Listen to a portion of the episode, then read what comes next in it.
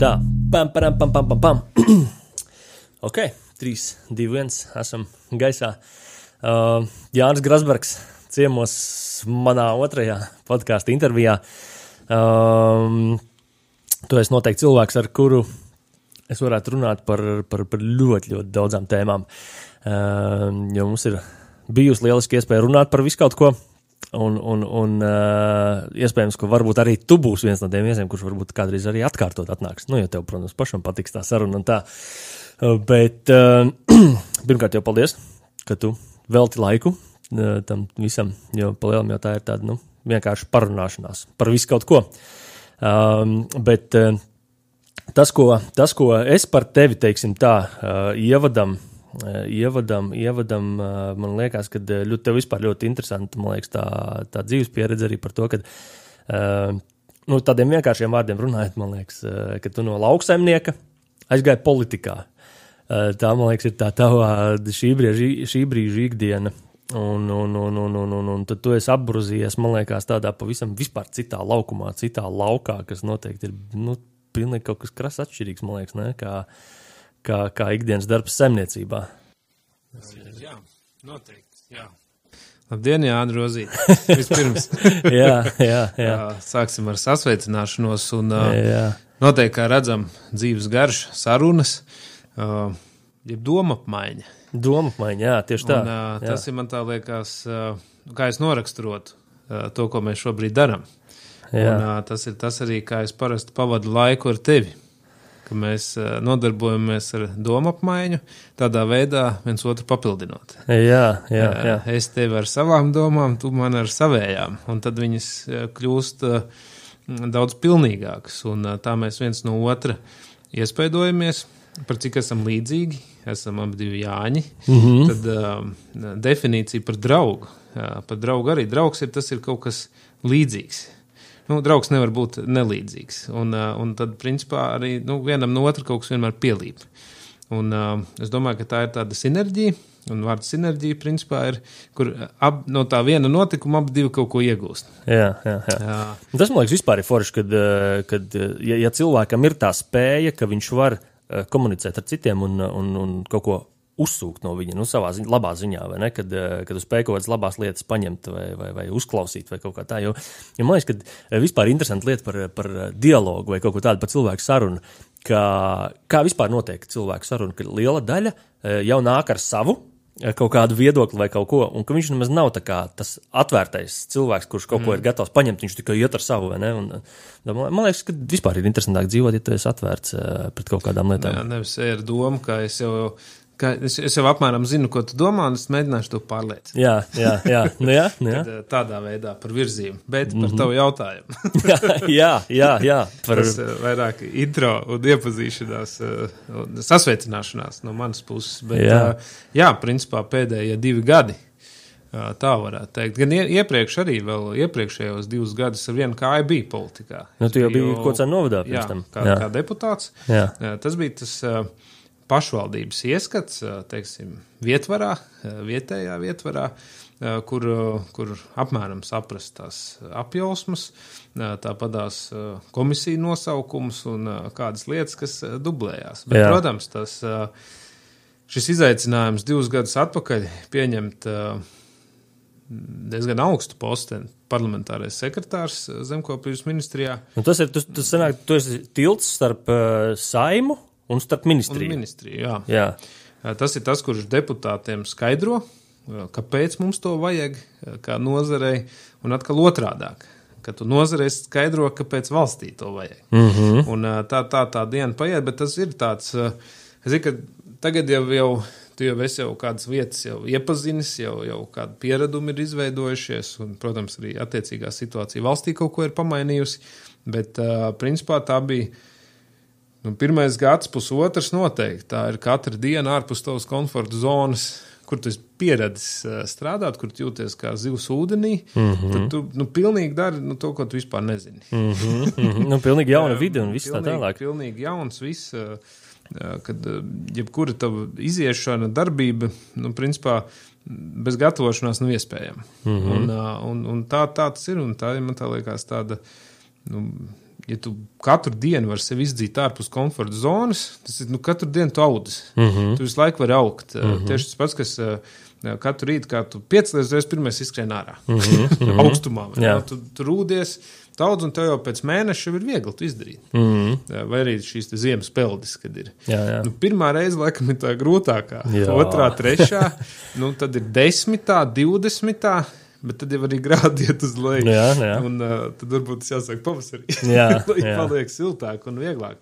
Bet uh, tas ir, kur, uh, kur tu saproti, kā, kas veidojās. Mm Mhm. -hmm. Īstenībā mani stereotipi, manas uh, domas, uh, kas no kā sastāv, ir nu, principā mainījies par 180 grādiem. Mm Mm. -hmm. Cits lietas pa 90. Um, a kā tev, un, piemēram, jo es vispār esmu novērojis to, ka um, sab, cilvēkiem vispār kā tādiem, viņiem uh, ir interesanti kaut kādā konkrētā darba vietā vai vienkārši kaut kādā vidē apmēram trīs mēnešus līdz pusgadam. Nu, tas ir tas brīdis, kamēr ir interesanti, jo uh, tas ir tas posms, kurā cilvēks apgūst jauno. Un man šķiet, ka mē, varbūt tas, ka mēs cilvēki esam radīti kaut kādā tādā veidā, ka mums ir interesanti visu laiku kaut ko jaunu apgūt, mācīties, iet kaut ko izpētīt, kaut kā tā. Nu, kad uh, varbūt cilvēks kā būtne ir kaut kam tādam radīts. Nezinu. Bet, uh, Un, un to es esmu novērojis, ka cilvēks strādā kaut kādā vietā trīs mēnešus vai sešus mēnešus, un viss viņam apnīk. Un, un daudziem radās tā vēlme, ka nu, kaut ko jaunu atkal gribās, vai, vai nu, tad jau sākās tā ikdienas rutīna, kurai tev jāiet cauri. Bet kā tev ir tajā darba vidē? Nu, šajā, nu, principā, pilnībā nomainot darba vidi. Uh, un uh, politika kā tāda, nu, viņa, nu, viņa īsti nevar būt garlaicīga. Tāpēc, ka Pagaid, bet viņa tu- visu laiku mainās. Tu, tu savu vidi, kurā tu strādā kā parlamentārais sekretārs, tu viņu vari jau saukt par politiku. Vai tas ir tā kā, nu, tu tur izjūti politiku vispār? Nu, principā, jā. Uh, mm -hmm. nu, kā tev ir uh, politika jau veidojas tajā brīdī, jau, kad uh, tev ir dažādi viedokļi. Uh -huh. Nu, dažādi viedokļi. Nu, jānonāk uh, pie kaut kāda viena slēdziena. Uh -huh. Teiksim, tev ir uh, likuma projekts, uh, ir noteikumi, uh, likuma atrunāti punkti, un, uh, piemēram, ir septiņas nevalstiskās organizācijas, un katrai organizācijai ir, uh, teiksim, uh, savs nedaudz atšķirīgs skatījums uz to, un līdz ar to sava redakcija Uh -huh. šim grozījumam. Uh -huh. Citur atšķirās komats, vārdojums, doma nemainās. Citur atšķirās uh, pilnībā doma vispār. Teiksim, tai lietai, kas būtu jāizdara. Uh -huh. Un uh, tev, tev ir principā jāpanāk, uh, pirmkārt, pašam jāpiekrīt vienam, vienai no šīm domām. Iespējams, tu neesi tas pats lielākais uh, speciālists šajā jautājumā, uh -huh. bet tad starp ekspertiem, uh, sabiedrības vēlmi un uh, visiem iesaistītajiem nu, atrast to kompromisu. Uh -huh. Jo politika pati par sevi ir kompromisu māksla. Uh -huh. Kā tu radīsi kompromisu ar visiem, lai, nu, lai mēs lielākoties paliktu apmierināti uh -huh. teiksim, no šīm iesaistītajām pusēm? Protams, tas, ka visi būs apmierināti, tas būs ļoti grūti panākams. Jā, tas Citreiz tas, vispār. izdodas. Jā, ja, es nezinu, ja, ja, ja kāds zina kādu piemēru, kur tiešām ir bijis tā, ka kādreiz visi paliek apmierināti, lūdzu, padalieties ar to piemēru. Jo man šķiet, ka tieši tā tas ir tas, ko tu saki par politiku, vai ka kur, kur ir lielākai sabiedrības grupai kaut kas kā jāuzliek uh, kaut kādā formā. Nu, mums ir nereāli, ka visi paliek apmierināti. Es Jā, nezinu, jo uz nu, kāda rēķina parasti tas Jā. notiek. Nu, mēs, mēs gribam darīt, bet mums nav kāds resurss. Bieži vien mēs, nu, tā kā mūsu iztika būtu ok, eh, teiksim, nodoklis tas neskar, tas nav, bet, piemēram, tas ir uz vidas rēķina. Un tad, protams, ir cilvēki, kas eh, aizstāv vidi, mm -hmm. jo vide pati no sevi arī aizstāv. Bet ne tā tieši. Mm -hmm. nu, vide sevi aizstāv nu, ar klimatu pārmaiņām, ar vēl kaut kādām vētrām, ar vēl kaut ko rāda mums. Nu, kad, nu, šī tā vairs nedara. Mm -hmm. bet tas tādā ilgtermiņā. Bet ātri, nu, tad ir teiksim, šīs te, vidas aktīvisti, un es parasti cenšos nenostāties nu, neviena pusē. Jo taisnība ir vienmēr pa vidu. Mm -hmm. nu, nu, nav tā, mums arī ir, mums ir jāizmanto resursi, kas mums ir, bet mēs nedrīkstam saimniekot uz vidas rēķina. Mm -hmm. Daļai tas notiek. Protams, mēs pa zemi pārvietojamies, ejam, bet kaut kur ir tas. Uh, Zinu, ka kādreiz skolā bija tās diagrammas, ka būtiņas jau un tad zīmējām. Un tad kaut kur ir krustpunkts, mm Mhm, -hmm. kad, uh, teiksim, cik mēs izmantojam uh, vidi, uh, cik, cik, tad, cik mēs degradējam ja, vidi uh, un cik, cik mums ir teiksim, tas ieņēmums vai ne no tā. Viņš iet, iet un kaut kur ir tas krustpunkts, mm Mhm, -hmm. ka mēs tik daudz drīkstam degradēt lai teiksim, iegūtu. Ja mēs iesim pāri, tajā brīdī mēs degradēsim vairāk nekā mums ieņē, ieņēmums mm -hmm. ir. Un tas kruspunkts vienmēr ir jāatrod. Mm -hmm. Un tas ir tas, tā politikas interesantā lieta, kur bieži vien tu saskati to kruspunktu, kur viņš ir. Un, uh, Un tev ir jāpārliecina tie apkārtēji. Mm -hmm. Un, un, un viss iesaistītās puses. Viss, jā. Jo tie nedabūs pilnu, ko viņi grib. Jā, viņi viņi gribēja bišķiņu. augšā ritīgi. Jā, tik, tur, jā. Nu, pilnīgi vienalga, cik tā degradācijas pakāpe, mēs ejam savu, vai ne? Mm -hmm. uh, teksim, atkal otra puse saka, ka vispār nevajag. Nu, tur neko attīstīt, vai ne? Saglabājam, kāds ir. Bet tad mēs saprotam, ka mums ir kaut kādas vajadzības. Uh, Mūsu bērni grib iet skolā, varbūt paši mēs vēl ejam skolā. Mums vajag medicīnu, mums vajag ceļus, mēs gribam teiksim, cilvēcīgi justies un visu. Un tad mēs saprotam, ka mums tomēr vajadzība ir. Mm. Kaut kas ir jāražo. Un ka bez tā mēs iztikt nevaram. Un tad, mm. ja mēs kaut ko ražojam, kaut kas kūp augšā, kaut kas paliek lejā, nu, teiksim, tā degradācija vienalga notiks. Mm. Un mēs arī mājā dzīvojot, liekas, es jau neko nedaru. Mm. Es saku, nu, sākam paši ar sevi. Jā, vai tiešām tu nelieto nekādu Fērī. Trauku mazgāšanas līdzekli. jā. jā. Starp citu, par trauku mazgāšanas līdzekli. Es pēdējos gados es sapratu, ka viņš ir bezjēdzīgs vispār. Saudu vislabāk izmazgāt. Jā, jo es nezinu, man vismaz personīgi tajā, ko es ikdienā lietoju. Man šķiet, ka man nav nekādas tādas trakas lietas, kuras uz tā šķīvi ir bijušas, kuram ir jāizmanto kaut kādas beigas trakās lietas. Silts ūdens noskalo gan arī visu nost. Ar šo amīdu bišķiņu vēl padarbojies, un viss ir tīrs.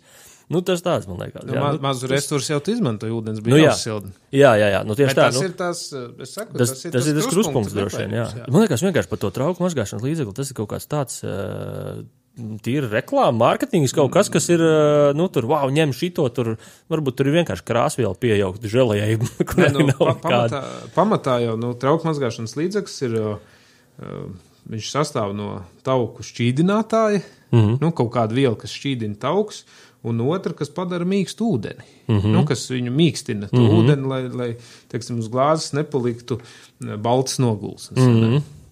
nu, tas mīkstinātājs parasti ir soda. Mm -hmm. jeb, uh, Nātrija bikarbonāts, mm -hmm. kas ir teiksim, tāds vienkāršākais no, līdzeklis. Terminos jau ļoti labi.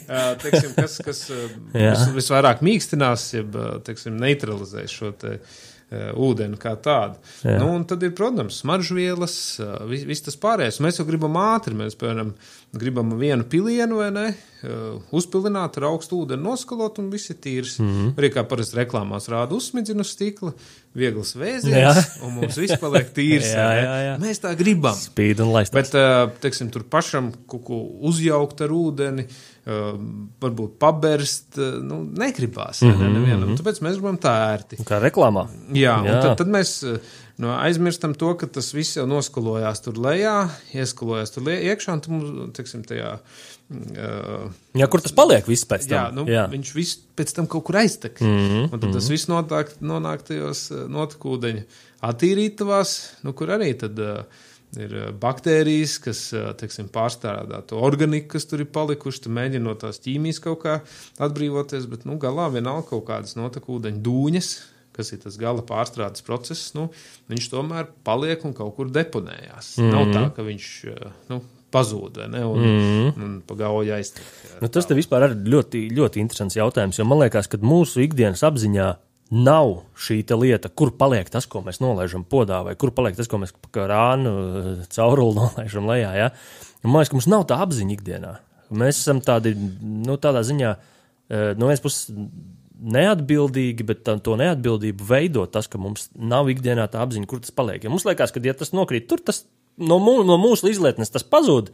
Un mēs nedomājam par to, kur tas tālāk aiziet. Ne, mums liekas, ka mūsu problēma pazūd, ka mēs viņu neredzam. Jā. Tas ir līdzīgi, kā tev ir sēta piesniegus pilna ar sniegu, un tu vienkārši šeit to sniegu met pār plecu, bet tās tur ir kaimiņu sēta. Jā. Iemet kaimiņam, jo nu, tā vairs nav tava problēma. Viss problēma ir pie kaimiņa. Jā.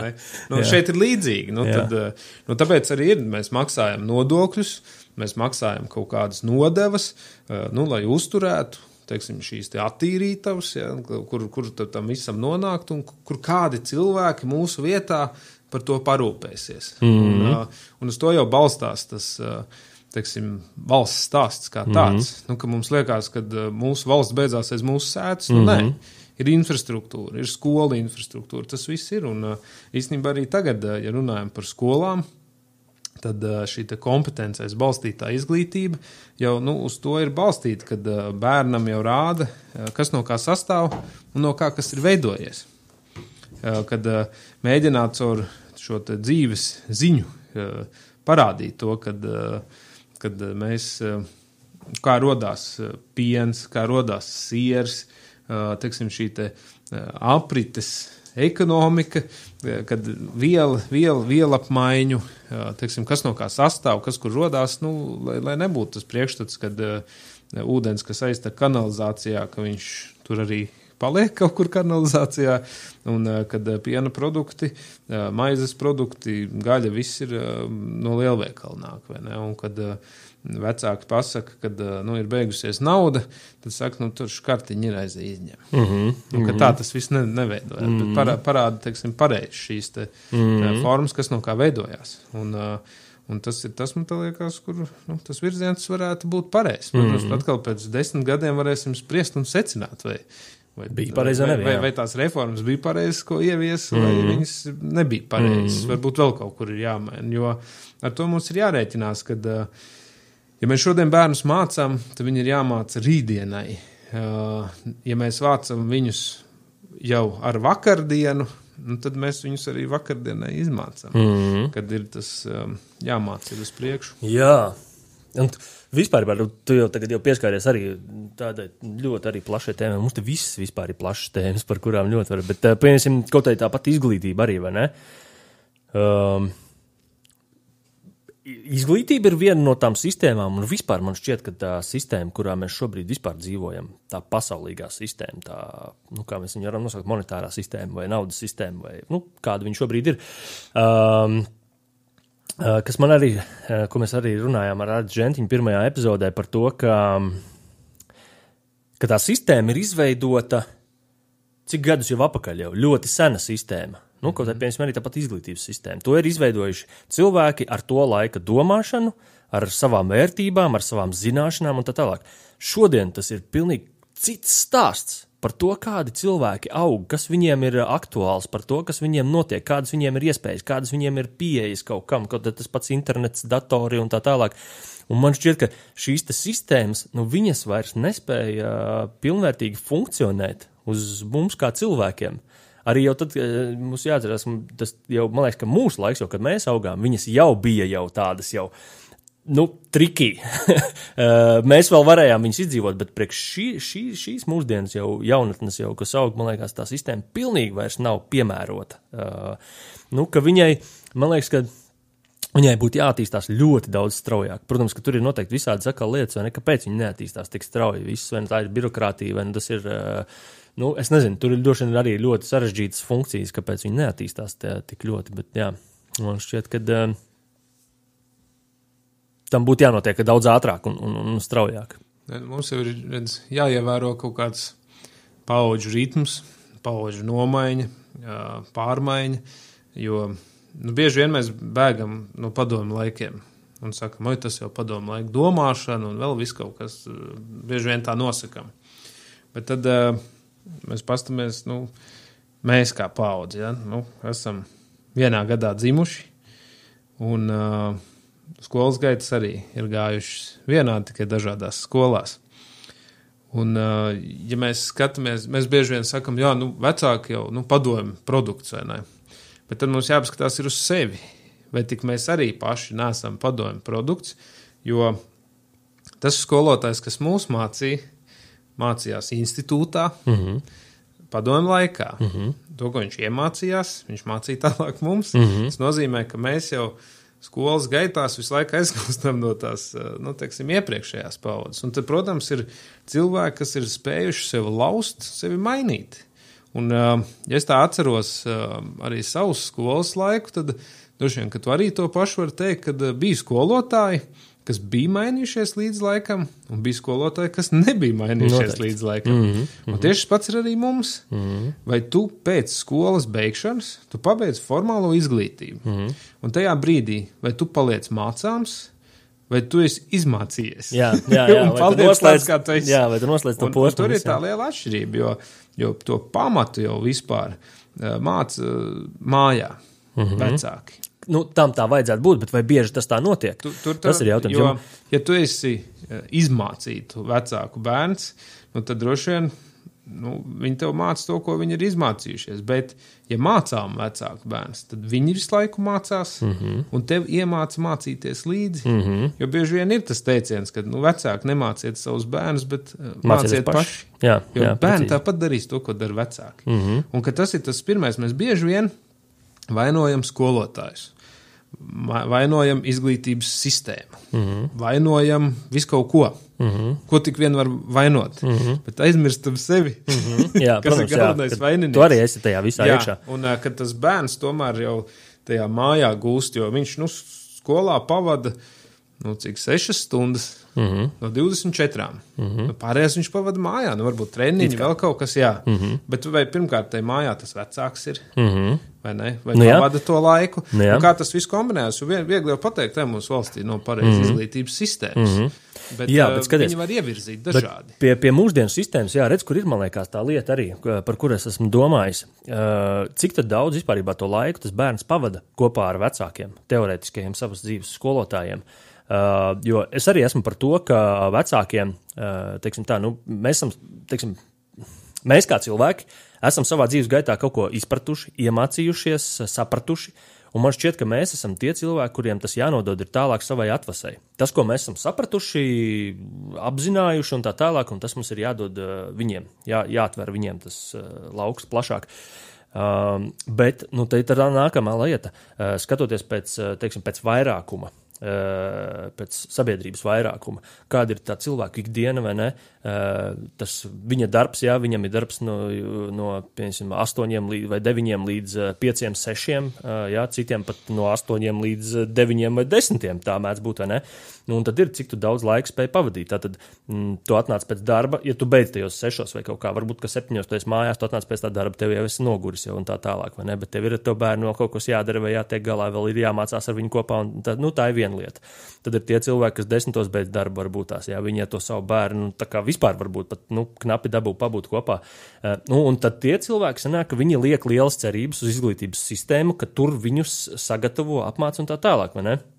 Nu, un, un tad te ir tas. Tad sanāk, ka mājās viņš īsti nedabū to, ko viņam teorētiski vajadzētu dabūt, vai ne? To, to, to dzīves pamatu un tā tālāk. Tad viņš ir atstāts uz skolu vai izglītības sistēmu, mm. uz kuru tad tiek novelkta tā visa atbildība. Un tad ir, vai ne, ši- droši vien šī gadījuma, ne, kad eh, nu, izglītības sistēma sūdīga un tā tālāk. Bet, ja mēs runājam tā, tad tā ir izglītības sistēma, kuru ir izstrādājusi šī lielā sistēma. Uh, nu, mm -hmm. Tev ir vecākiem ir jāiet uz darbu, bērniem ir jāiet mācīties skolā, tad, tad bērns sagatavo skolā priekš uh, kaut kā, vai ne? Nu, nu, tālāk, skolā, tālākas darbības. Skolā ied, iedos to pamatu. Jā, Nu, pamatu viņš apgūs. Mm -hmm. Bet, ja vecāki neņems līdzdalību, nu, tad, tad paliks ar pamatu. Mm -hmm. nu, ar bet, nu, skaties, bet tad nav jābūt jau tādai, jau tā kā arī tai tomēr attīstībai. Ja, ja sistēmā mēs kopumā arī, piemēram, skatāmies, ka um, tā sistēma ir tāda, ka vecākiem nav vairs laika savajā, savam, savām atvasēm, kas ir skumji īstenībā. Mm. Bet, eh, ja tā mēs redzam un novērojam, tad vai sistēmai nevajadzētu uh, implementēt šo visu funkciju tā, ka tas bērns arī tiek pamat izglītots ar vērtībām skolā? Nu, mm. Īstenībā tas jau laikam ir tas šī brīdis, šī brīdis cīņa, kas notiek starp privātajām skolām un uh, valsts izglītības iestādēm, kur privātās skolas cenšas iedot šo te personalizēto skatu, kur viņiem ir vairāk uzmanības, kur viņi apgūst vairāk praktiskas lietas. Ja? nu, tas jau laikam ir tas, ko šī privātā skolas iet, jo nu, varbūt viņi noķert ātrāk to telpu. Nu, Principā jau šobrīd arī, ja mēs tā paskatāmies valstiski, tad nu, notiek pašlaik nākamā tāda šī izglītības reforma, kur, kur maina to visu. Protams, mm -hmm. tad, kad notiek pati reforma, ja mainības process, nu neviens viņā nav apmierināts. Ne tie vecāki ir apmierināti, ne tie skolotāji. Mm -hmm. Čakars. Tad, uh, tad mēs varam spriest. Es īstenībā runāju ar uh, savas skolas, nu, kur mani bērni mācās, uh, direktoru. Un, uh, es teicu, nu, kā tev ir tagad, kā direktoram, uh, man viņš arī ir nu, kā draugs, un tāpēc var arī parunāties, uh, uzprasīt nu, tādu personīgo viedokli. Un viņš teica, viņš saka, nu, Mēs kā bijām gājuši, kā viņš ir nostādījis savus skolotājus, kas pie viņa strādā. Viņš saka, tagad iepazīstoties ar šo jauno materiālu, teiksim, par šīm te jaunajām kompetencijām, kā būtu jābūt. Viņš saka, man nav jāmaina pilnīgi nekas. Tā kā mēs bijām šo skolu iedarbinājuši, tagad pēc tā ir pievienojušās pārējās. Mm -hmm.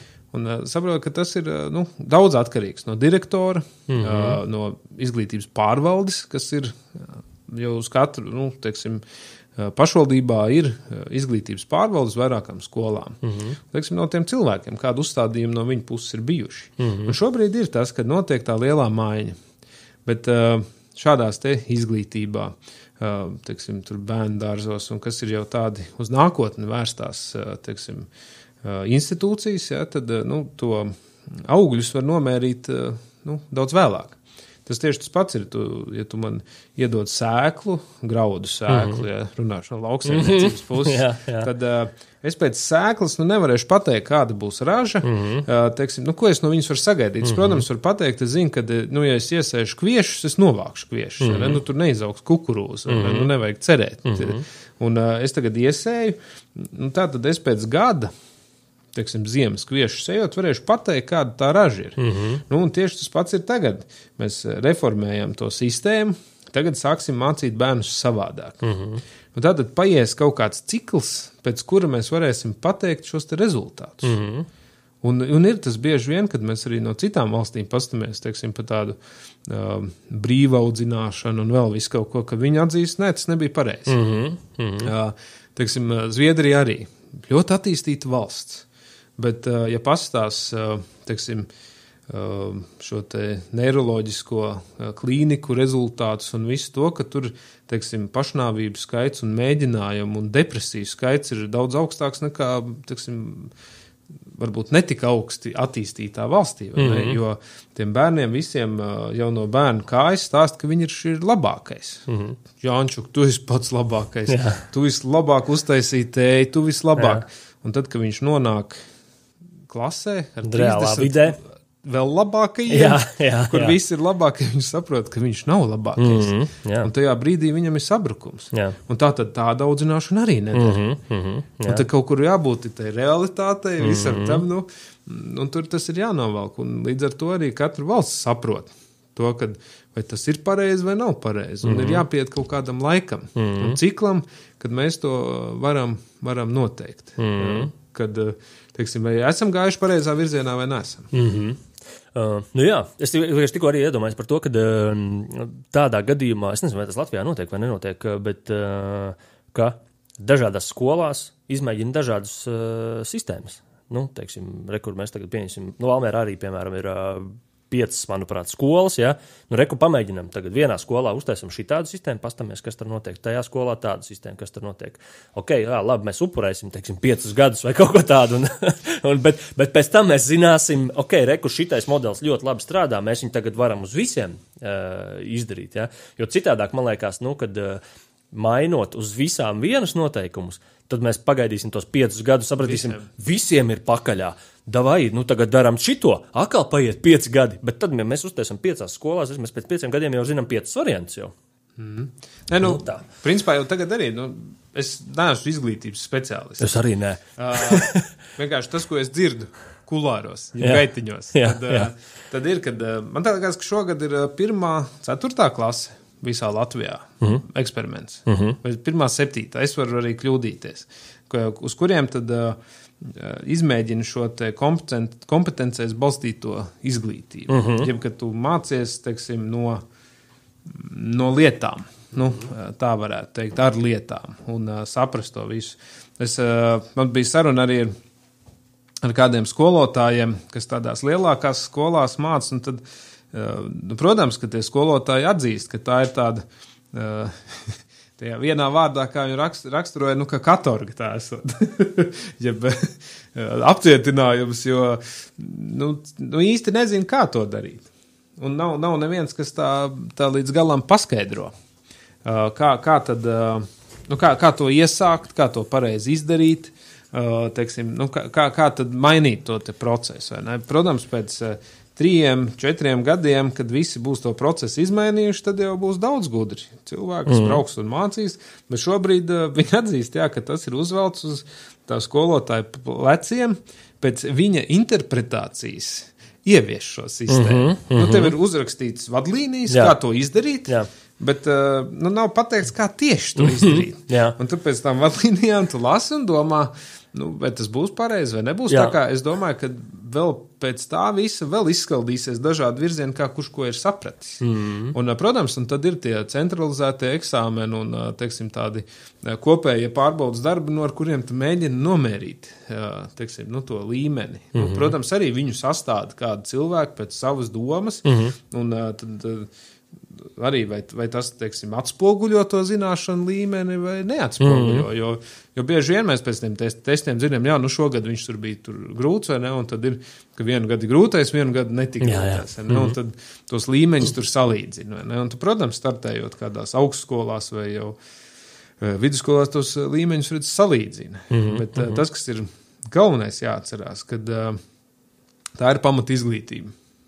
Pamat izglītība, ko piedāvā, ir sākuma skola, tad ir pamatskola un vidusskola. vai ne? Un tad jau ir tu izvēlies to. Varbūt cits jau vidusskolas vietā jau izvēlās jau, teiksim, jau novirzienu, vai ne, profesionālo. Es tā skaitā, es eh, pēc 9. klases gāju uz Priekuļu valsts tehnikumu, eh, mācīties par lauksaimniecības tehnikas mehāniķi. Mm -hmm. Un, eh, kas arī bija tajā, tajā laikā man draugu vidū ļoti nepopulārs lēmums. Mm Mhm. -hmm. Kā tas? Jā, jo ko bija tāds sūdīgs slavu vispār. Un, uh, un es atceros, es aizgāju, un uh, arī tajā brīdī brīnījos, kā tu ar tādām sekmēm iesi tur vai ne. Kaut gan gimnājā man tās sekmes nemaz tik izcils nebija. Mm Mhm. -hmm. vienkārši pēc kur tā skalas skatās. Mm -hmm. Bet uh, šobrīd es esmu lauksaimniecības zinātņu maģistrs. Un uh, nejūtos neko zaudējis. Es mm -hmm. esmu tikai paplašinājis savus, savu redzesloku. Mm -hmm. Un tā arī bija kompetencēs balstīt izglītību, jo viņi bija balstīti uh, mehanizācijā. Mm -hmm. nu, principā ar to arī mācījāmies. Mm -hmm. Es pārzinu iekšdedz dzinēju vēl, bet nu, ikdienā es to nu, ne, nelietoju. Jā, es uh, neaizgāju to virzienu par mehāniķu, bet teiksim, savus domas es tajā virzienā uh, paplašināju un braucot ar auto, es zinu, kas tur teiksim, notiek. Zem tā, Mhm. gan kapota, gan kas notiek bremžu pedāli no, nospiežot, un pēc kādas skaņas varbūt uh, aizbraucot uz servisu jau apmēram varu rēķināties, ar, kas būs jādara. Mm Mhm, jā, Tādā jā. ziņā, un, bet tas jau ir tas, ka tev ir jābūt mācāmam. Mm. -hmm. Ka tev ir visu laiku jāpaliek mācāmam. Pēc mm -hmm. tam, nu, man liekas, te pamatā ir nu, jāiemācās lasīt, rakstīt, vēsture, uh, nu, uh, pareizi rakstīt, vai ne, un, uh, un runāt, un, uh, un, un tad jau pārējais tev ir pašam jāgrib. Mm -hmm. Mēs Jo- nevaram uzvelt visu uz izglītības pārvaldu, uz izglītības sistēmu kā tādu, ja bērns pats negrib. Mm -hmm. Bet tā griba nu, vecākiem tas ir jāizdara. Jā. Vai viņi ir klāti vai nav klāti, ir jā- jārada tā griba mācīties. Jo par to mācāmību jau arī um, tas pats jau arī, teiksim, kaut kā no pamatskolas aiziet uz vidusskolu, no vidusskolas aiziet uz augstskolu. Nu, tur jau arī visu laiku ir jāsaglabā tā mācāmība. Jo, jo kā, kā, kā esmu arī runājis ar vairākiem citiem, tad uh, īstenībā ir tāda ļoti, ļoti interesanta tā, tā, tā lieta. Uh, parasti ir par to, ka um, eh, tev vidusskolā stāsta, eh, ka šito mācies, tas tev būs vajadzīgs augstskolā. Un viņš aiziet uz to augstskolu, un nekas no tā nav vispār vajadzīgs. Un tur sācis pa lielam visu no jauna, un tad tur mācās pilnīgi kaut ko citu. Un tas pats pēc tam atkal ir no augstskolas aiziet uz darba vidi, kur uh, tiešām ar ļoti daudzām nozarēm, uh, no daudz, daudz nozaru cilvēkiem, kuriem esmu runājies, ir par to, ka jā, mums augstskolā mācīja to, bet tu aizies reāli darba vidē, un tu saproti, ka nekas tā nestrādā, kā tev mācīja augstskolā, jo, dar, jo praksē viss ir pavisam citādāk, un tev atkal jāmācās no jauna. Uh, tā kā, nu jā, viens ir par to, ka jāsklabā tā atvērtība, ne par to, un otrs ir atkal par to, Uh, cik tad, nu, ja mēs runājam tieši par augstskolu, jau par to līmeni, vai ne, kur, kur teorētiski uh, augstskolai vai pasniedzējiem ir jāsagatavo tātad, nu, reālai darba vidē jau kaut kādā nozarē, vai ne? Bet uh, arī jautājums par to, cik tad, cik tad uh, tas pasniedzējs vispār pats reāli ir pietuvināts uh, reālajai darba videi. Jo bieži vien akadēmiskajās pasaules izpratne par uh, procesiem ir daudz citādāk nekā viņi tiešām reāli biznesā vai kaut kur citur notiek uh, tajā darba vidē.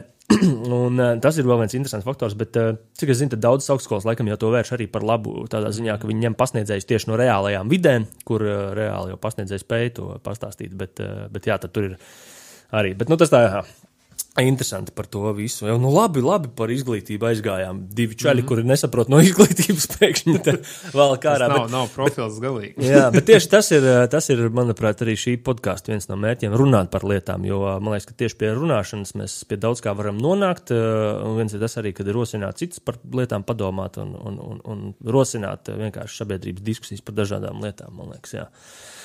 Tā kā tas tā. Um, bet atgriežoties varbūt tās nedaudz pie, pie, pie, pie politikas uh, un tām lietām, tad izstāst man uh, to, to tavu sākuma punktu. Uh, tu esi ģimenes saimniecībā, un tagad tu kaut kā izdomā, ka hopā, es gribu bišķi politikā kaut ko padarīt, bet, bet kas bija tavs? Uh, kas bija tas tavs, teiksim, nezinu, dzinulis, vai, vai kas bija tā tava zinātnē, vai kas bija tas, uh, kas tev vispār iz, izdarīja to impulsu vispār, tur? Nu, pirmais impulss noteikti bija tā iesaistīšanās vietējā novadā. Mm -hmm. Bet, nu, loģiski, ka mēs vietēju novadu veidojam nu, mēs paši. Mm -hmm. Neviens cits jau tur no malas neatnāk un to nedara. Un tā bija tā pirmā iesaiste, teiksim, darbojoties, iepazīstot šo te Eh, politiku. Bet nu, paralēli, protams, vadot saimniecību, at, attīstot eh, un eh, teiksim, būt arī aktīvam nozares pārstāvim. Mm -hmm. Viedokļu paušanā, dažādos žurnālos, tāpatās arī lauksaimniecības ministrijā, teiksim, kad ir kaut kādi šie te plānošanas periodi mainās, vai kas tad nu, līdzdarboties ar nevalstiskajām organizācijām, ar visu, teiksim, radīt domu. Uh -huh, uh -huh. Jo līdzīgi kā arī šiem pasniedzējiem, tāpatās arī tur teiksim, ir nepieciešami cilvēki no reālās darbības. Un tā tu lēnām sāc iepazīt cilvēkus.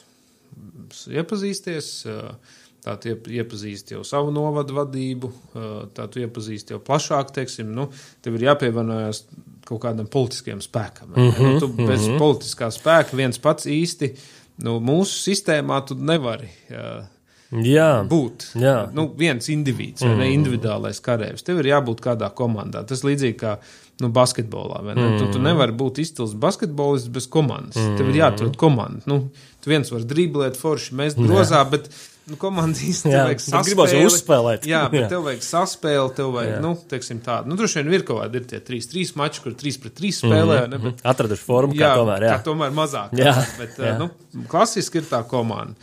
Nu, tad bija tā, ka šeit komandai, tuvojoties saimnes vēlēšanām, uh, teiksim, bija brīva šī vieta, nu, lauksaimniecības sfēra. Un, teiksim, gan izglītība, gan nodarbe, viss man atbild šim lauksaimniecības profilam.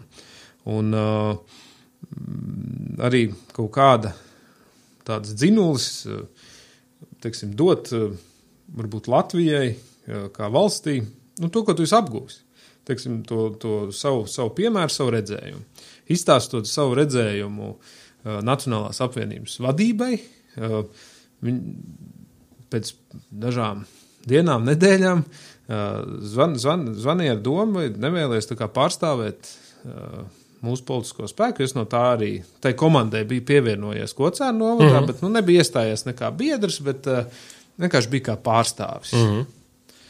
Nu, ne gluži kā rezervists, soliņ, bet kā, nu, kā pārstāvis. Tā varētu teikt. Yeah. Un, un tad jau arī tur vietēji, teiksim, uzstājoties ar kādu referātu, izstāstot par lauksaimniecības redzējumu, kā es, kā, kā es to redzu, tad man izvirzīja, kad šeit, teiksim, kandidējot šajās te vēlēšanās uz saimu, kad es varētu būt šis, teiksim, veidojot tādu kā ēnu kabinetu, kad mēs partijas iekšienē izveidojam uh, visu ministriju pārstāvis.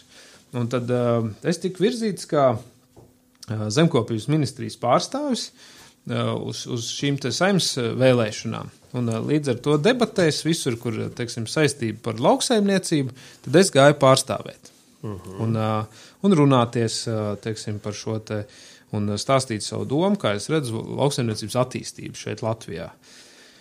Un uh, pienāca arī šīs saimnes vēlēšanas. Uh, bet man nedaudz pietrūka. Mm -hmm. uh, paliku otrais aiz strīpas, tā varētu teikt. Mm -hmm. Un, uh, līdz ar to tad, uh, um, nu, nekvalificējos. Bet, kā zinām, tad uh, ļoti ilgi veidoja valdību. Es zinu, ka bija pārpas simts dienām. Pagaidiet, es tam arī gribēju tā padziļinātāk ieiet tajā visā. Bet uh, uh, tā tad sāki tu ko cenos? Jā. Tur tu sākies tāda, aiz tāda vadīts. Uh, ka uh, tu gribēji dot kaut kādu ar tavu novada attīstībā, Jā, jā, kur tu arī darbojies, un tā. Un tad pēc tam tu nonāc līdz tam, ka tu saproti, ka visam ir jādod kaut kāds bišķi lielāks pienesums, vai arī, ka daudzas lietas ir jāatrisina tā tad uh, citā līmenī. jau, jau augstākā līmenī. Jau jā, augstākā ka- līmenī, un tāpēc tu, es domāju, uz saimu pretendēt. Jā, Un tad man ir jautājums bišķiņ par to, ka vai tiešām vairāk var izdarīt esot saimā, vai tomēr kaut kādā amatā jau? no saimā es vēl neesmu bijis. Jā, jā. Bet, Bet- līdz šim. Uh, bet uh, noteikti, kad uh, teiksim, no novada puses, nu, mm. -hmm. kad tu esi pašvaldībā, ja, mm -hmm. tad tu vari kārtot teiksim, lietas iekšienē. Mm. -hmm. uh, es darbojos tajā laikā budžeta komisijā, tautsēmniecības komisijā, vadīju zemes uh, lietu komisiju. Nu, teiksim, tas, kas ar kājām pie zemes, ko es pārzinu. Bet tad tu saproti, ka ir kaut kādas. Uh, nu, uh, teiksim, lietas jau, jau globālāk, nu, teiksim, mm -hmm. kas nosaka uh, likumu, uh, ministra kabineta noteikumus. Mm -hmm. Un uh, no pašvaldības puses nu, tos ministra kabineta noteikumus uh, teiksim, uh, izmainīt par labu nozares attīstībai nu, ir pagrūti. Mm -hmm. Var, bet uh, teiksim, tas ir pagrūti. Un tad ir uh, jāsaprot, nu, ar ko tu gribi darboties. Un, uh, protams, jau kad uh, katru cilvēku arī tomēr nu, kaut kur dīda kāds izaicinājums. Mm -hmm. nu, Noteikti, skat, jā. skatīties, skatīties uz augšu.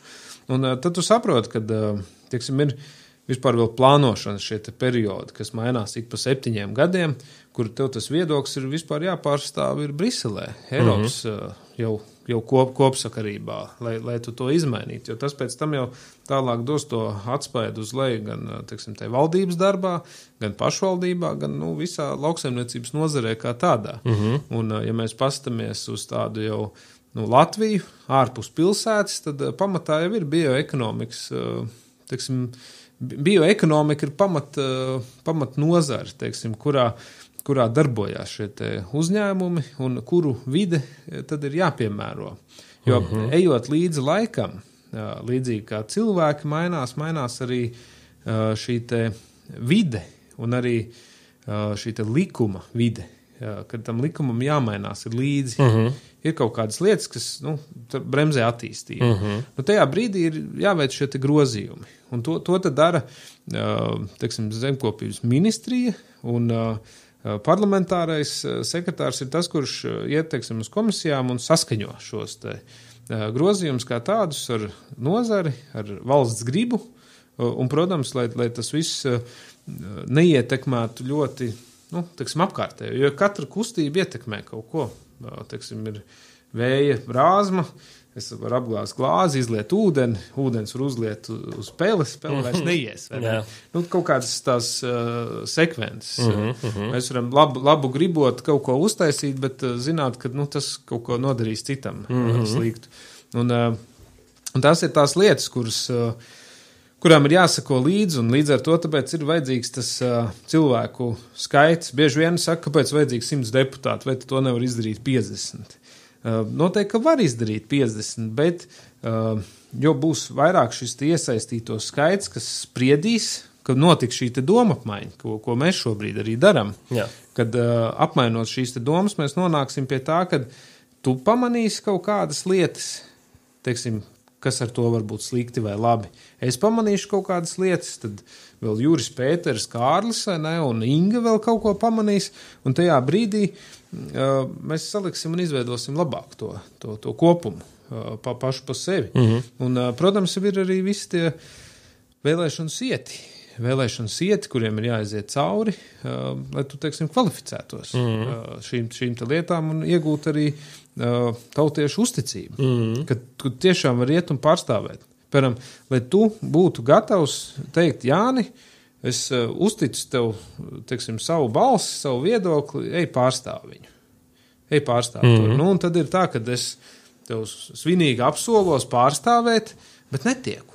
Mm -hmm. Tad man saka, tu nepildi savus solījumus. Mm -hmm. Es saku, nu es nevaru pildīt solījumus, netiku. Jā, jā, Un viņš viņu pietrūka. Jā, Un uh, bieži vien arī es esmu dzirdējis uh, pārmetumus, kad uh, tu taču solīji, kad ies pa, pa ministru, vai ne?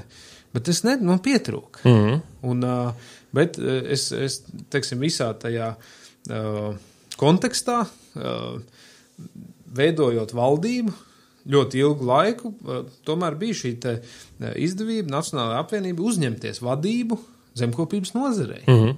Tas nekas, ka es netiku, bet uh, teiksim, šajā te ievēlēšanas procesā, bet uh, apkārtējie cilvēki man zināšanas novērtēja un teica, ka, nu, kad, uh, jo valdību, mm, ja, ja mēs tā pastamies, teiksim, mēs esam parlamentāra republika, parlamentu ievēl uh, iedzīvotāji, bet valdību ieceļ parlaments. Uh -huh. Un tā ir tā atšķirība. Un uh -huh. Tad uh, parlaments man deva šo uzticības mandātu, kad es varu pildīt šo uzdevumu ar savām zināšanām. Uh -huh. Protams, tas pat nav bijis vērtīgāk jau tā kā arī. Nu? Tu... Īsti nē, vislabāk ne? ir, kad, uh, kad tu tomēr ar tautas mandātu to vari darīt. Uh -huh. Jo parlamentārie sekretāri un ministri no, no darīšanas viedokļa. Nu, nu, tā, ka tev ir uz ko pamatoties. Uh -huh. nu, šobrīd man var pārmest, teiksim, citu oponenti, kad uh, nu, tu jau tomēr esi parlamenta iecelts teiksim, kā darbinieks. Mm -hmm. teiksim, mani pieņēma darbā ministrs. Mm -hmm. Viņš mani pieņēma darbā kā savu darbinieku, mm -hmm. kad, lai es pildu kaut kādas funkcijas. Bet tagad tevi tauta ievēl mm -hmm. Un atpazīst un uztic, tad, tad jau tu ej ar tautas mandātu. Mm -hmm. Un tad, teiksim, tavam, tavam viedoklim ir lielāks svars. Mm -hmm. nu, tev nav teiksim, jāprasa savam darba devējam vai, vai un jāsaskaņo, nu, jā, piemēram, jā, jā. tā mana doma, Mm -hmm. tad es eju savu, savu domu, piemēram, citreiz bieži vien apakšā ir, kad es vadu kādu nevalstisku organizāciju, vadu kādu biedrību un pārstāvu savus biedrus. Mm -hmm. Varbūt man tie biedri ir tūkstots, Mm -hmm. varbūt desmit, Mm -hmm. un tas ir mūsu kopējais viedoklis. Ne, ne tikai manējais. Un, Mhm. un tie gadījumi ir daudz un dažādi. Mhm. Teiksim, kā tas kombinējās, un, un, un kā tas aiziet līdz tam, tam galam. Jo, jo galā ir jāpanāk, ka 51 roka paceļās Mhm. un pasakā, jā, šis grozījums aiziet tādā virzienā. Mhm. Un ā, kad mums ir tas redzējums, ka šo grozījumu izdarot, tiešām nozare, vai kura tā būtu, labāk attīstīsies. Ka tas tiešām bija tas ā, šķērslis, ka tas mm -hmm. nav kaut kas cits.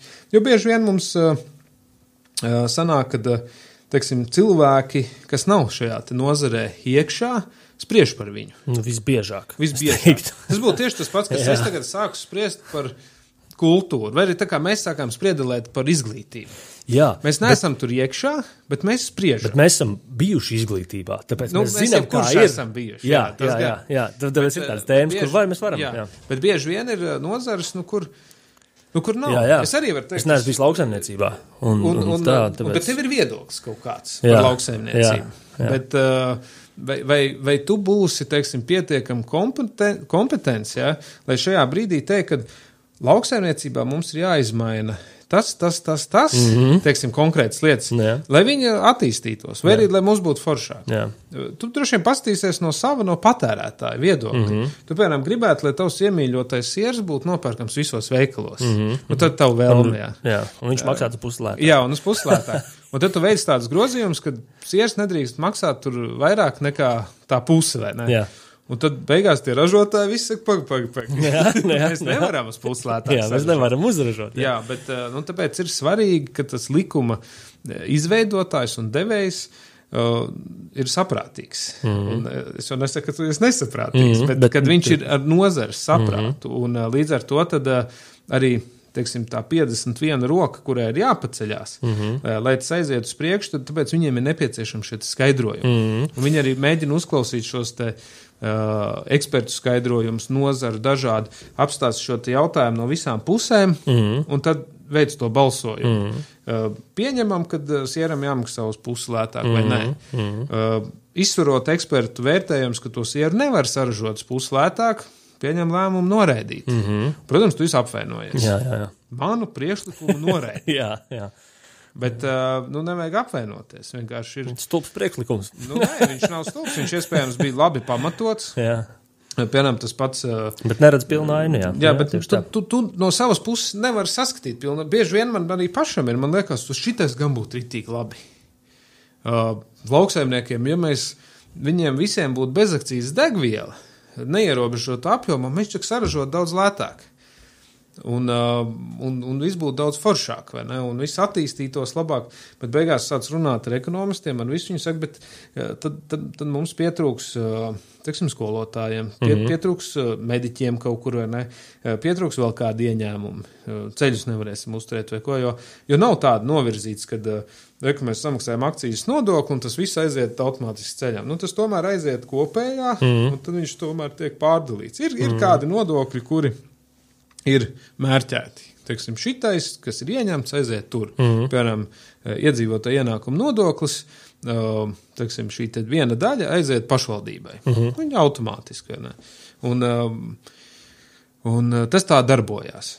Bet ir, ir pārsvarā jau nodoklis, viņš nonāk tomēr tur, un tad ir šīs, te, ko mēs bieži vien arī redzam, tas budžeta pieņemšanas. Uh, Eh, ko šī, šis sasaukums pieņēma, ka vispār naktīm nekādas mocīšanās vairs nenotiks, mm -hmm. ka tur filmē viens otru kā uz uh, dīvāna aizmidzis. Bet, nu, bet nu, ir. Produktivitāte nekā. tur ir tā lieta, ne? Tad nu. viss strādājam līdz pulkstens pieciem, septiņiem, astoņiem, mm viss. Nol, norunājam. Šodien mēs desmitos sākam vai deviņos no rīta. Mm. Strādāsim līdz astoņiem vakarā. Mm. Vienalga, cik tālu tiksim, beidzam. Tieši tā. Rītdien turpinam. Un, uh, teiksim, tas ir šī sasaukuma tāds. Uh, un, un uh, par to budžetu pēc tam ir jāvienojās. Mums ir kopējs katls, gribam visi. Mm -hmm.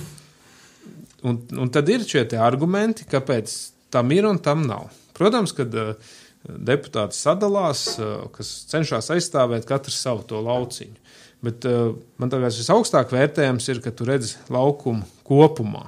Mm. Un tad tu saproti, ka uz kurien ir jāuzliek uzsvari, lai, lai tas nestu arī atpakaļ un, un viss attīstītos. Un, protams, arī audzētu gan vidi, gan eh, nodrošinātu labus dzīves apstākļus mm. iedzīvotājiem. Un tas Tieši ir tā.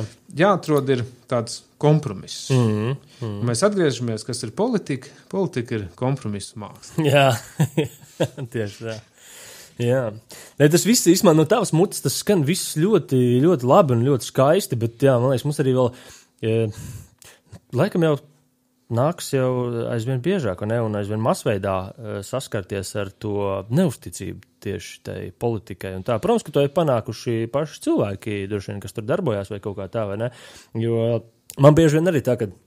Um, nu, teiksim, zinot tevi vai zinot kādu citu, kurš uh, kaut kur darbojās vai ne, uh, tieši politikā un tā tālāk, mēs runājamies, es saprotu, ka, oh jā, šitam čalim forša doma, uh, Uh, man patīk, un, un es vien vairāk cilvēku tādus gribētos. Bet uh, vairumam sabiedrības vispār zudus, man liekas, tā ticība vispār tam, kad, uh, teiksim, nu, un, uh, ko es esmu novērojis arī, teiksim, arī, nu, palasot, piemēram, uh, komentārus internetā, ko nekad nevajag darīt, bet palasot komentārus, ja, kad tu saproti, uh, kad ir kaut kāda viena sabiedrības daļa, kura uh, tiklīdz kāds politiķis atver muti vaļā, viņš jau, jau momentā netic jau ko, tam, ko viņš saka. Viņš jau ir jau zaglis, jau viņš ir jau tur tas un šitas, vai ne? Un, un, eh, protams, ka tas kaut kādā veidā ir panākts. Nu, ka kaut kādi gadījumi atsevišķi vai kaut kas ir panākuši to, bet es pat nezinu, nu, jā, kā veidot vispār mūsdienās tādu uzticību atkal un, un kaut ko tādu. Un, jo man liekas, tiešām nu, daudz vienkārši netic tam, ka, uh, nu, tādām labām lietām, ka tiešām tā var būt politikā, kad cilvēki skaisti sanāk kopā un, tagad, un, un izdomā, kā visiem būs labi. Mm. Tas man liekas, tāds jau ir. Nu, var gadīties, redz, kad uh, vienmēr jau nu, pārstāv kādas intereses. Un, uh, un bieži vien man tā liekas, arī cilvēkam ir, kad uh, teiksim, netiek pāri, kad uh, viņa šis te, uh, nu, priekšlikums nav aizstāvēts. Piemēram, kā mums bija tas piemērs arī par tavu priekšlikumu. Uh, par to, ka ir jāsamazina šī cena, vai ne? Un, un viņš neizgāja. Un tajā brīdī tu esi dusmīgs, ka viņš neaiziet. Un tad ir nu, vairāk tie ceļi, vai tu raksti dusmīgu komentāru, Jā. ka viņš neko nesaprot, ka viņš ir teiksim, pārstrādātāja baigais aizstāvis, un ka tomēr to cenu nesamazina, ne? Un, un otrs puses ir teiksim, tiem skarbiem komentāriem, ko mēs bieži vien internetā redzam, kad ir vairākas tās komandas, ja, teiksim, mēs to politisko spēku varam uz, uztvert kā komandu, un ka tu esi nu, citas komandas atbalstītājs. Mm -hmm. Un tu to cīņas veidu nu, iz, iz, iz, iz, nu, tādu mm -hmm. teiksim, mhm. piekopi. Jā, jā, jā. Nu, viens ir tāds teiksim, inteliģents un argumentēts, mm -hmm. un otrs ir, ka tu vienkārši tu neko nesaproti.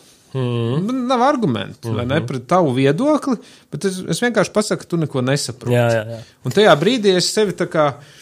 Nu, es jūtos uzvarējis, jo es, es, es tev pateicu kaut mm -hmm. ko, ne? bet yeah. nu, tam jau nekāda dziļāka jēga nav. Jā. Nu, ka tu vienkārši kaut ko pasaki. Un, uh, tas man liekas, ka cilvēki arī tā kā sajutuši, vai kā, kad uh, nu, kā, vienreiz saņem šo zaudējumu, nu, kad nesanāca, jā, neaizgāja tas viņa priekšlikums otrais, trešo reizi, un tad atmeta roku. Mm. Bet uh, nu, nebūtu jāatmet roku. Ir, tāpēc ir tā, nu, jānotiek tā domapmaiņai. Un tā domapmaiņa parasti notiek domu biedru grupās.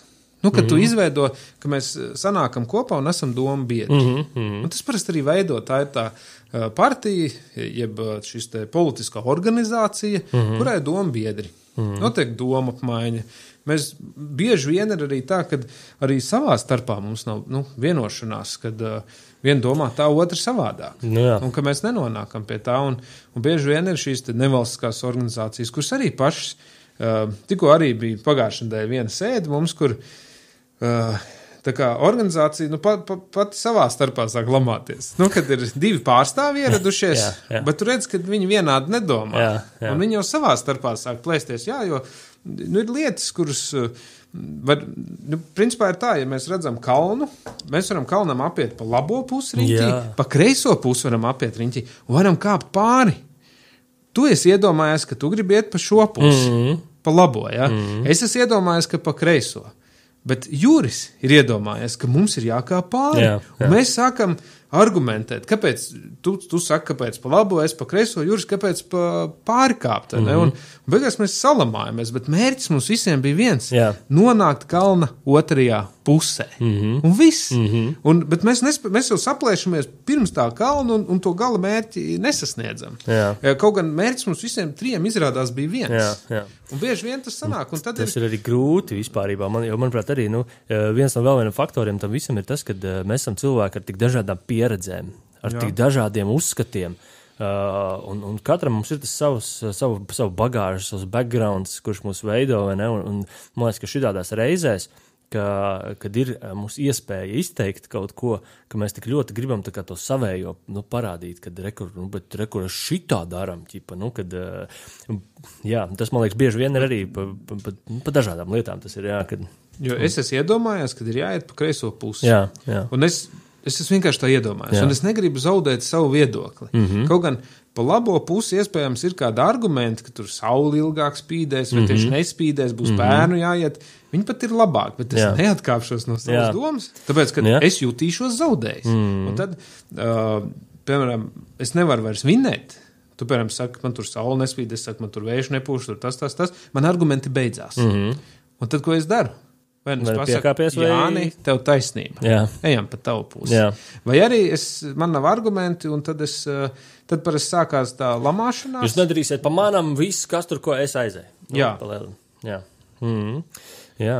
Nu, lūk, un tad, tad, tad šeit ir vai ne tā forma, kur uh, dažādu uh, pieredžu un dažādu viedokļu uh, pārstāvjiem, uh, kuriem ir viens mērķis, ir jāatrod, kurš būs kopējais ceļš uz mērķi.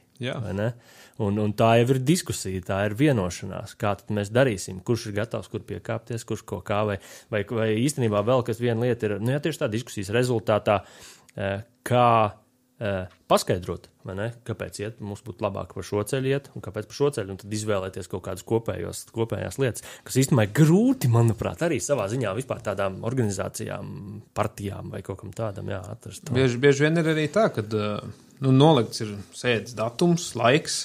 Piemēram, sarunai divas stundas. Mēs argumentējam, domājam, domājam. Protams, es aizstāvu. Man ir uzdevums aizstāvēt manu kreiso pusi. Tavs uzdevums ir aizstāvēt tavu labo pusi. Mēs strīdamies, strīdamies, un tad es pēc sēdes braucu mājā, domāju. Es saprotu, ka nē, tā labā puse tomēr bija labāka. un, nu, tiešām tie Jā. argumenti ir pareizi. Un tad tu jau pēc tam jau pieņem, jau, kad. Uh, Nu, bet tad jau, protams, ir saziņas līdzekļi. un Viņš saka, jā, mm -hmm. ir ok, es saku, tavs priekšlikums bija rītīgi labs, mm -hmm. bet varbūt komatu liekam nevis aiz tā vārda, mm -hmm. bet aiz tā, un tā izpratne veidīsies kopēji. Un, mm -hmm. un uh, tad bieži vien ir tā, ka, ja pasako līdzi, ja, kas tādi jau lietpratēji, tad uh, viņi klausās šos komisiju ierakstus, un tad bieži vien ir tā, ka ir uh, viens priekšlikums, otrs priekšlikums, un beigās uz saimnes sēdi ir aizgājis komisijas priekšlikums, kurš nav ne Jāņa Rozīša, ne Jāņa Grasberga, bet viņš ir komisijas kopējais priekšlikums, jo mēs no abiem diviem kopā ar tiem juristiem, kas tur vēl bija, eh, piedalījās, uztaisījām jaunu vienu priekšlikumu. Un tad viņš saucās komisijas priekšlikums. Un, ja mēs paskatāmies tam sēdēm klāt, tad uh, bieži vien ir te balsojam par komisijas priekšlikumu tādu mm -hmm. un tādu, mm -hmm. noraidam Jāņa un Jāņa priekšlikumu. Mm -hmm. Un aiziet tas, teiksim, Jā. uz balsojumu. Un tie ir īstenībā tādi uh, domapmaiņas, diskusijas rezultātā dzimuši. Mm -hmm. Man liekas, ka tie ir tādi, nu, pamatoti. Mm -hmm. Jau pamatotāk, jo Jo tad jau viņos vairs nav iesaistījušies viens un viens, bet jau visi tie 20, kas tur bija. Mm -hmm. Iesaistītie cilvēki, plus vēl eksperti, visi tie, un, un, un, un tā tas viss uh, mainās. Mm -hmm. Un uh, tā, tā mēs ejam uz priekšu. Viegli nav. Nē, nu, kā, kā, kā to ņem, ir interesanti. Jā, jā. Mm, Kāds piemēram ir vispār, tev tas uh, arī tāda, man liekas, interesanti, varbūt būt dzirdēt. Mm, paņemsim pirmo piemēru, tur, kur, eh, tur, kur tu biji ģimenes saimniecības eh, vadītājs, aizgāji eh, nu, aptautīs, aptaustīties kocēnu novadā.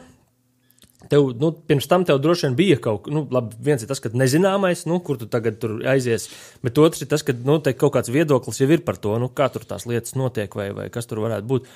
Mm, tev bija kaut kas tāds, nu, kad tu aizgājis turieni. Tieši tagad, nu, to pirmo posmu tajā kocā kad sapratu, ka, ah, bāz, bet te, te nav tā, kā es biju domājis, vai, vai kaut ko, vai, nu, kaut kāds tāds, ka tu kaut kāds pārsteiguma brīdis vai kaut kas. Nē, nu, pārsteiguma moments bija tas, ka, nu, pilnīgi savādāk man likās, kā lietas risinās. Jā. Man likās, ka, nu, ja tu esi deputāts, tad tu nolēmi un tā dari. Pirmā jau tas pārsteigums bija, ka eh, nemaz tik viegli nav pārliecināt pārējos. Jā, tas jau ir tas pirmais. Tāds. Jā, jā nu tas jau ir tas, par ko mēs tikko runājām. Kad, eh, kad tev tā pārliecināšana jau ir diezgan pagrūta. Jā. Un tad tu saproti, ka tu atsties par to, ka tā jau ir nolikts. Mm -hmm. Un ka tā ir nolemts. Un kad eh, beigās tu saproti, ka, lai kāds līderis, tu vien, nu, saimniecībā tu esi pieredzējis tā, ka tu esi vadītājs, jā, tu apspriedies ar vienu, ar otru tā kā tu pasaki, tā mēs darām. Mm -hmm. Un, uh, un tā, tā mēs ejam uz priekšu. Mm -hmm. Ka tur tā nenotiek. Un, mm -hmm. un tad tu vēl beigās saproti, ka viņš saka, bet tā mums uh, no valdības ir nolikts, ka mums šī tā jādara. Mm -hmm.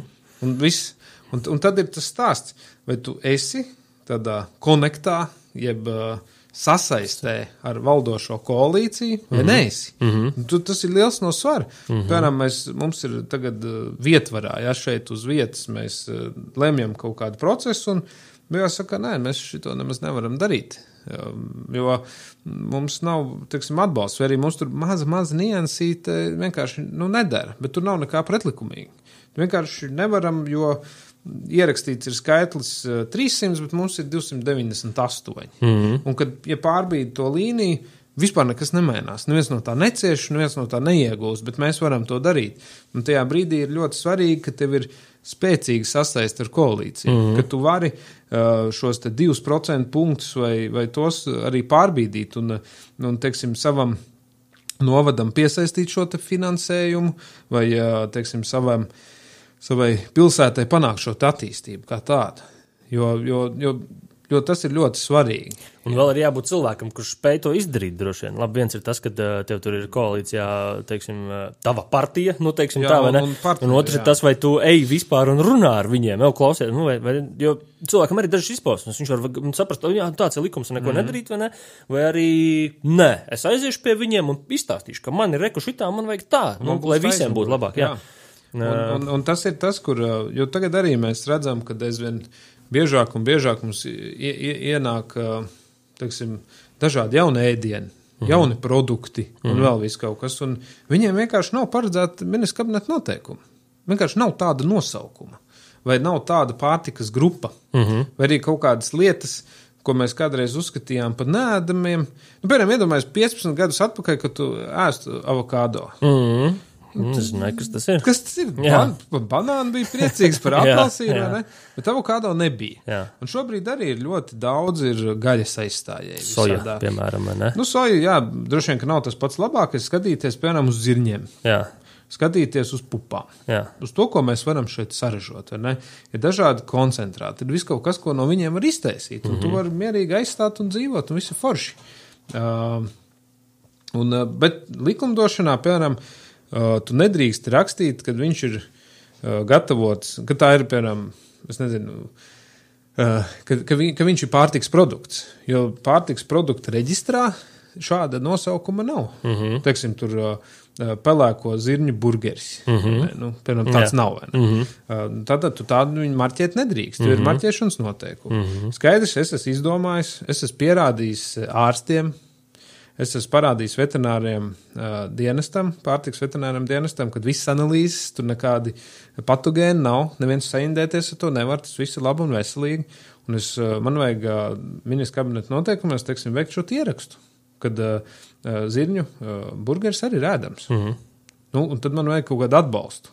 Man vajag aizmuguri, uh, kura tad uh, apņemsies to grozījumu arī veikt. Un tā mm -hmm. mēs visu laiku dzīvojam līdzi. Mēs nevaram likumā ierakstīt, ka ēdams ir pilnīgi viss. Mm -hmm. Mums ir jāievēl kaut kādas robežas. Mm -hmm. Bet tās robežas, augot līdz laikam, visu laiku ir jāmaina. Mm -hmm. Viņām ir jādzīvo līdzi. Tagad arī ir īstenībā ļoti interesants temats - kaņepes. Jā. Kaņeptēji. Mm -hmm nebūtu nekāda problēma. Mēs varētu teiksim, šīs te tējas, tēju taisīt tikai no lapām. Mm -hmm. Tad parasti tev ieiet viss augsts. Kaņepju tēja skaitās kā jaunā pārtika.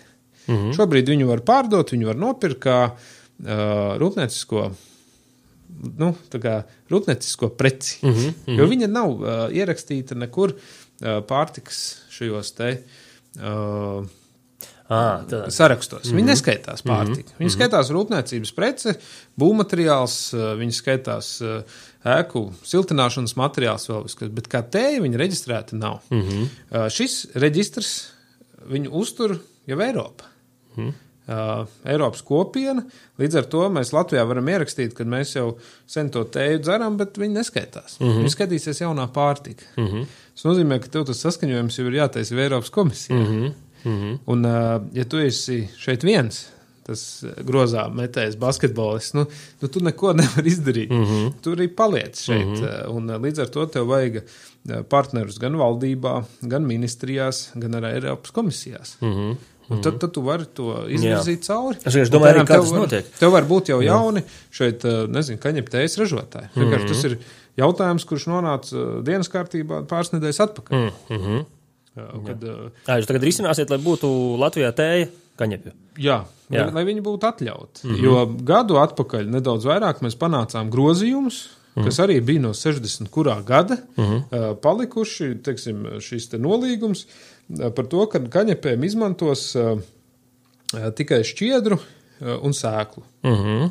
Bet tajā laikā nebija izdalīts ne Indijas kaņepē, ne lauka kaņepē, nekas. Mm -hmm. un, bet šo, šobrīd jau mēs esam gājuši tālāk. Uh, Mums tur paliek pāri vēl viss kaut kas, ne? Kur, un, un tur ar narkotiku nekāda sakara nav. Mm -hmm. Vienkārši nav. Un tur arī, man liekas, jāveido liela izpratne vēl cilvēkiem par to, kas, kas tas ir vai ne. Un, un, Jāvirzās un, un, uz priekšu, jā. jā. Un, un tas ir, kā, kā teiksim, mēs gribam ražot uh, siltināšanas materiālus. Mm -hmm. Izrādās, ka nedrīkst. Mm -hmm. Un kā tur piesaistīt investoru, ja sanāk, ka nedrīkst. Mm -hmm. Piemēram, tu gribi saprasēt visu to augu. Nu, visu augu nedrīkst lietot. Drīkst mm -hmm. lietot tikai sēklas un šķiedru. Mm -hmm. Lapus, spaļus nevar. Mm -hmm. Palasām vecās grāmatas, spaļus jau lieto visu laiku. Jā. Nu, Latvija, mm -hmm. Bet pēc, pēc šiem likumdošanas nevar. Mm -hmm. nu, un, mēs, ja mēs gribam piesaistīt kādu investoru, tad mums ir jāskārto likumdošana. Jo investors nenāks ieguldīt naudu, ja, nebūs, ja, ja tas skaitīsies pretlikumīgs vai īsti likumā nebūs atrunāts, to drīkst Jā, vai nedrīkst. Mm -hmm. Tagad investoram parāda, ka mūsu valstī uh, šo droši drīkst darīt, tad tu jau vari zemniekiem jau teikt, ka reku jūs drīkstat audzēt, un, un investors drīkst šeit būvēt šo te, uh, pārstrādes rūpnīcu un, teiksim, ražot siltināšanas materiālus no mm -hmm. kaņepēm. Mm -hmm. Jo kaņepē vispār, jā, pēdējā laikā, man liekas, ir tāda ļoti aktuāla tēma palikusi daudziet pasaulē. Protams, ka viens ir vispārībā par, par, par marihuānas legalizāciju, bet tas jau ir marihuānas. Tātad tas jau vairs tas, nav tas, par, kaņep, par ko mēs runājam. Bet, eh, bet tieši otra tēma ir tieši šī kaņepes rūpnieciskā izmantošana vai arī izmantošana pārtikā, vai ne? Un pat ārstnieciskos uh, nolūkos, mm. kur viņi tiek izmantot. Un tas, man liekas, šobrīd ir tāda liela diskusija visur pasaulē par to, ko, ko kā jā un ko kā nē. Un, un tad arī daudz kur bija pacēlēs jautājums, kāpēc viņa vispār bija aizliegta. Kāpēc, tas, kāpēc tas tā notika un tik, tik kategoriski, vai ne? Jo, nu, labi, toreiz mums varbūt tās nebija tik daudz zināšanas par to, jo tas ir, tas ir daudz, daudzos vispār novirzienos, kur mums kādreiz nebija tik daudz zināšanas, kā mums ir šobrīd par kaut kādām tēmām, ne, kur, kuras mēs esam šobrīd jau padziļinātāk spējīgi izpētīt, pierādīt un tā tālāk. Um, nu jā, tāpēc mēs varbūt tās evolucionējam arī kaut kādā veidā. Tas ir ziņā. vairāk stāsts par to, ka ir kaut kur stāstam sliktā daļa, Un tad mēs pasakām, ka viss ir slikts. Mm, tā sliktā daļa pārņem Jā, to visu. Jo, jo principā ir, ir uh, lauka kaņepe un ir uh, Indijas kaņepe. Mm. Un uh, tajā brīdī, teiksim, 60. gados to neizšķīra. Vienkārši izšķīra no to, ka redzēja, ka eh, lietojot kaņepes, cilvēku apreibst. Mm -hmm. Skaidrs, eh, tur teiksim, kaut kādas degradācijas notiek, vai vēl kaut kas, ne? Tajā brīdī pasaka, tas viss ir slikti, mēs nevaram izkontrolēt, mēs nemākam izkontrolēt, mēs viņu aizliedzam pilnībā. Mm -hmm. Tieši tas pats būtu, kad, eh, teiksim, ar automašīnu braucam, notiek avārijas. Nu jā, jā. Un tad mēs pateikt, ka mašīna braukt nedrīkst, jo notiek avārijas. Jā. Vai arī ir pieķerti divi, teiksim, šie te autovadītāji alkohola reibumā, vienkārši mēs nebraucam vairāk, mm -hmm. jo mhm. mēs nevaram nomērīt. Piemēram, Jā. ja mums nav mēraparāta, kā pateikt, vai uh, vadītājs ir reibis vai nav reibis, Jā. tad mēs neļaujam nevienam. Jā. Un, un, principā, tad, kad parādās šis mēraparāts, alkometrs, ja, Jā. tad mēs varam sākt jau izdalīt mm -hmm. reibušos no nereibušajiem un, un pieņemt kaut kādu sodmērs. Mm -hmm. Un šeit ir tieši tas pats. Jā. Šobrīd mēs varam noteikt, ir, ir not, not, nosakām šis te, THC saturs, ja, jeb apreibinošo vielu saturs mm -hmm. augā, un, teiksim, mēs noliekam robežu 0,2. Nedrīkst pārsniegt. Mm -hmm. Līdz 0,2 mēs uzskatām, ka tur vispār nekas nav pārsniegts, tur nevar neko virs. Jā, bet apreibināties jau tur var jau kā 11, jeb 100. Jā, tad 0,2 ir vispārībā. Tur viņa nav. Jā, nav. Nu, tas ir maza, maza, teiksim, tām Latvijas šķirnēm, kas ir šeit certificētās, viņām pat ir tur 0, 0 mm -hmm. būs tas 0, 0, 0 vai pat vispār nu, nekas neparādās kā mm -hmm. tāds. Tāpēc ir svarīgi arī šīs certificētās, teiksim, selekcionētās sēklas lai es varu pārbaudīt, ko tu tur esi iesējis. Mm -hmm. Jo, piemēram, tu man tur saki, ka tu esi iesējis laukaņepi, beigās izrādās, ka nē. Un tāpēc ir jābūt izdalāmam. Tiklīdz mm -hmm. mēs varam izdalīt, tā mēs kaut ko varam atļaut. Mm -hmm. Un tieši pats ir uz ceļa visur. Tieši par tiem uh, alkometriem, par, par, par braukšanu, uh, tas vienkārši iedomājos tādu vīziju, ka, ka vajadzētu pat īstenībā būt tā, ja, ja ir tā, ka tiešām nu, mēs nedrīkstam braukt dzērumā, sākot no cik tur tām promilēm. Ja? Uh, tad vajadzētu uztaisīt vienkārši reālu feature autoražotājiem, kad jums ir jāuztaisa automašīnā katrā sistēma. Kur tu vari aktivizēt tikai tad, ja tu iepūti trubiņā un tev parādās, ka ir no, akceptējams tas tur, un viss tikai tad tu vari iedarbināt mašīnu. Nu, pie mūsdienu tehnoloģijām man liekas, ka tas nekas sarežģīts nav to izdarīt. Protams, ka tur varētu visu kaut kas čakarēties un tā, bet uh, sistēma ir reāli darām. Iedomājies, no, tu brauc pa ceļu uzsmidzina uz logu to mušas notīrīt, mašīnu noslēpt.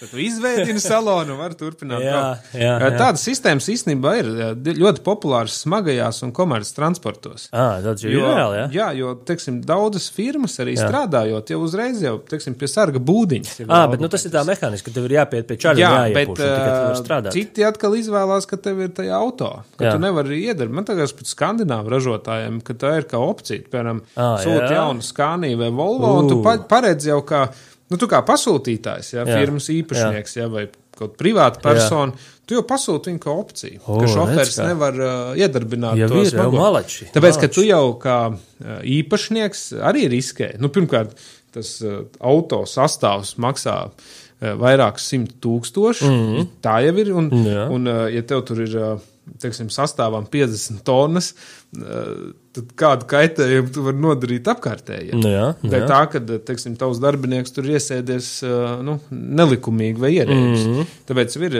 teiksim, šī te, kravas auto un komerces transportam striktas šīs sistēmas gan, gan, gan, gan šie darba atpūtas laiku režīmi, gan arī uh, gan arī šīs te, nu, gan uz alkoholu, gan, gan, gan tīri uz atpūtu. Jo turpat uz to ir šis lielais uzsvars, ka tev ir jābūt atpūtušam, tā, kad tu to dari. Mm. Tāpēc arī, kad tu nobrauc 4,5 stundas, tad tu pūties, tad tu atkal nobrauc šīs stundas, tad tu atkal atpūties, tad tev ir jābūt šim miega režīmam.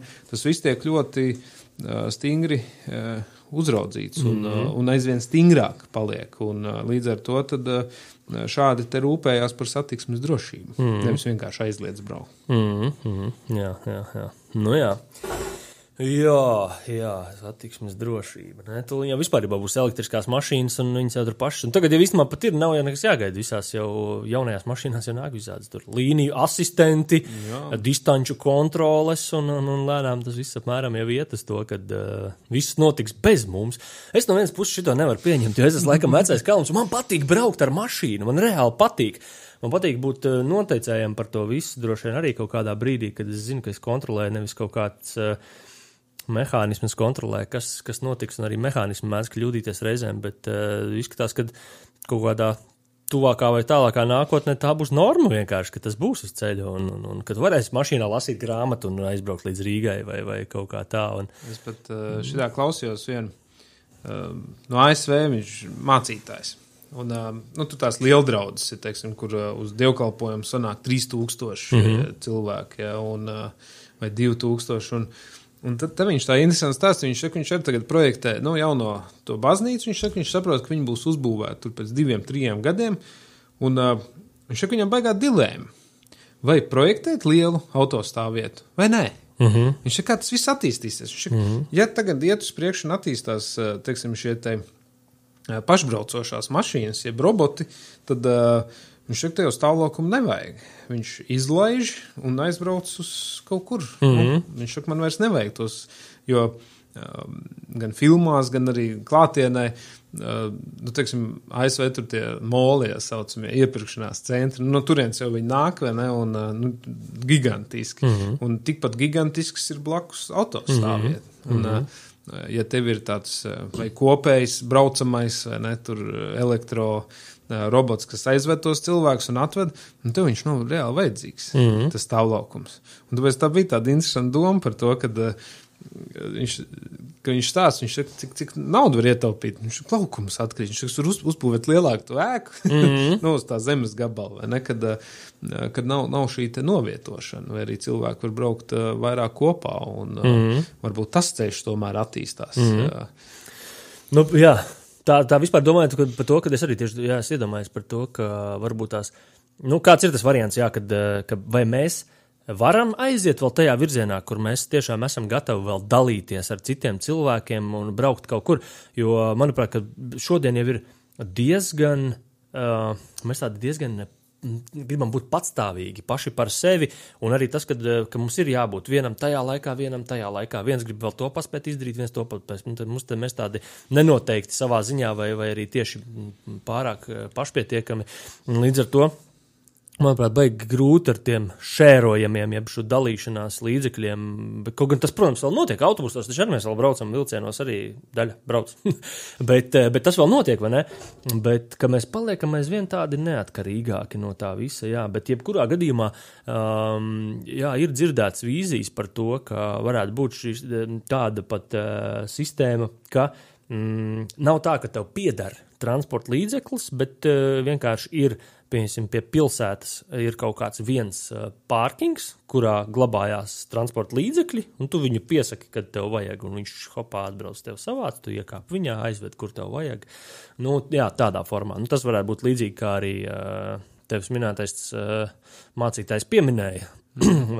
Jo, principā, šīs sistēmas arī par, ja, ja runa par to, vai esam gatavi dalīties vai neesam gatavi dalīties, tas viss ir atkarīgs no resursu cenas. Mm -hmm. Tajā brīdī, kad tev vienam izmaksās braukt ļoti dārgi, mm -hmm. tad tu sāksi dalīties. Mm -hmm. Kamēr tas ir pieņemami, kamēr resursa cena nepārsniedz, resursa pieaugums cenā nepārsniedz tavu ieņēmumu pieaugumu, tikmēr viss ir kārtībā. Mm Mhm, -hmm. Tad, kad viņš sāk strauji pieaugt, tad, tad jau tu sāc saprast, ka, Mhm. mm -hmm. ka tomēr laikam jābrauc kopā mm -hmm. arī ar sabiedrisko. Jo, ja tu tagad parēķini, teiksim, braukt ar vilcienu vai ar autobusu uz Rīgu, ja, ja teiksim, šeit no Valmieras, uh, nu, tad, tad tā saliec kopā, nu, tā atšķirība ļoti liela nav. Ar vilcienu Jā, būs jā. lētāk, bet ar autobusu būs tuvu. Jā. Uh, Ja tev tāds diezgan ekonomisks auto ir, Jā. tad nu, tuva, tuva, tuva uh -huh. ir tā sajūta. Piemēram, uh -huh. Uh, par šo kopā braukšanu. Uh, man sanāca divas nedēļas padzīvot uh, Londonā, centrā. Uh -huh. Un tur, tur cilvēkiem es manīju, ka viņiem pat nav domas par to, ka viņiem varētu būt savs privātais autotransports. Mm -hmm. Jo jā, man kā lauku puisim, ja, Neiedomājami. aizbraucot, nu, pirmkārt, es jutos kā krātiņā. Jā, jā. Bet, bet red- redzot to, ka viņiem pašsaprotami, ka viņiem nav auto. Jo pirmkārt, viņi nav kur novietot. Tas auto resurss ir ļoti, ļoti dārgs. Jo tur bieži vien nodokļos un nodevās ir jāsamaksā vairāk nekā mēs esam pieraduši ar auto, cik, cik tā auto vērtība ir. Un tajā brīdī tas cilvēks izvēlās tomēr braukt ar šo metro. Un tāpēc ir ļoti svarīga šī sabiedriskā transporta pieejamība kā tāda. Jo mēs tagad arī runājamies kā divi vīri uh, no, no Valmieras. Uh, es arī no Bērzenes pagasta, kas ir vēl ārpus Valmieras. Uh, lī- līdz ar to teiksim, mana pārvietošanās nu, būtu stipri ierobežota. Es būtu atkarīgs tikai no sabiedriskā transporta. Tas nozīmē, ka es uh, teiksim, ja ir vasaras brīvlaiks un nav skolnieki, tad divas reizes dienā vai trīs varētu pārvietoties. Nu, ja ir skolas laiks, tad četras, piecas. Bet sestdienās, svētdienās atkal šis laiks. Nu, tad, tā tad man ir ļoti jābūt pakārtotam šim, mm. šim te vai ne. Uh, ja tu esi no Valmieras, tev jau sabiedriskais transports ir jau pieejamāks. Nu, uh, šeit pa logu es arī redzēju, nu, vismaz trīs reizes autobus ir pabraucis garām. Tas nozīmē, ka bija jau trīs iespējas kaut kur aizbraukt ar sabiedrisko transportu. nokavēji. Jā. Jā. Uh, nu, līdz ar to ir šis te pieejamība. Mm. Uh, šajā te pašā Londonā. Jā, viņiem ir saprotami, bet tas metro iet garām ik 15 minūtes. Un, un viņiem ir pašsaprotami, ja es ik pēc 15 minūtēm varu aizbraukt ar metro, Mm. vispār nav problēma. Jā. Šodien arī pastaigājot par Rīgu, saka, man likās dīvaini, es laiku tādi tie skūterīši Mhm. stāv, vienkārši nomest. Nu, tā mm -hmm. vienkārši stāv. Nu, tas ir tāds jau pirmais solis uz to, ka Jā. tu, kā tu stāstīji par to, ka tu aizēji un tur, teiksim, paņem šo te auto. tagad sākums jau ir ar tiem rollerīšiem. Jā. Ir Uz- pat arī mašīnas, starp citu. Jā, jau Jā, nu, arī jā. ir jau. Kad tu vari aiziet, paņemt, uh, tur ievadi kodu droši vien, vai, Jā, jā. vai samaksā karti. Nu, mm. -hmm. Teiksim, tie samaksas veidi jau tur mm -hmm. ir dažādi, un uh, ņem un lieto. Jā. Un brauc un aizbrauc līdz tai vietai, kur tev vajag. Jā. Un atstāja. Jo iespējams, ka no tās vietas, vai nu tu pats, vai kāds cits, viņam arī tur būs vajadzība un brauks. Bet tas jau, jau darbojās pie zināma blīvuma. Piemēram, Jā. man bērnē, ja es ar to skūterīti aizbraukšu. Nu, bez manis nezinu, vai vēl kāds viņu ņems un brauks atpakaļ uz Valmiju. Jā, jā, ne? Nu, tā, vai uz. Rīgu. Nu, Jā, ar jā. To mēs nebrauksim. Tas nozīmē, ka tāds transports ir iespējams pilsētu vidē.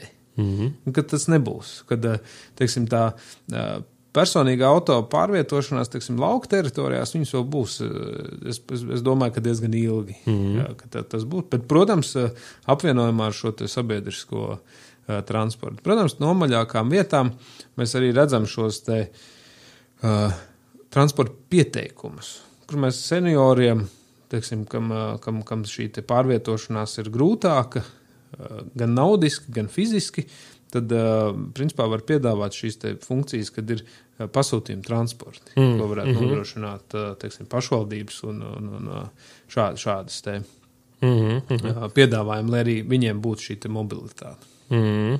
Nu, jā, jā. Nu, pavisam noteikti. Jā. Tas kaut kur virzās, kaut kāda attīstība noteikti notiek, eh, cik viņi ir ātra vai kaut kā. Jo, jo arī, piemēram, tā, ja paskatās tur tādas dažādas vēsturiskas materiāls par to, ka elektromobīls jau tika izgudrots jau, jau, jau kuros tur gados, jau bail samelot ir, bet 70. jau noteikti jau bija jau uztaisīts, jau pirms tam jau viņš jau tika noteikti jau kaut kad jau izgudrots, bet, kā redzi, dažādu iemeslu pēc viņš nav, nebija nonācis līdz ražošanai, vai ne? Jo tāpēc, ka noteikti ir citi industrija pārstāvi, kuri negrib uh, vēl palaist grožus vaļā no Mums taču, viņu. ā, Rīgā tramvajs ir no kura gada?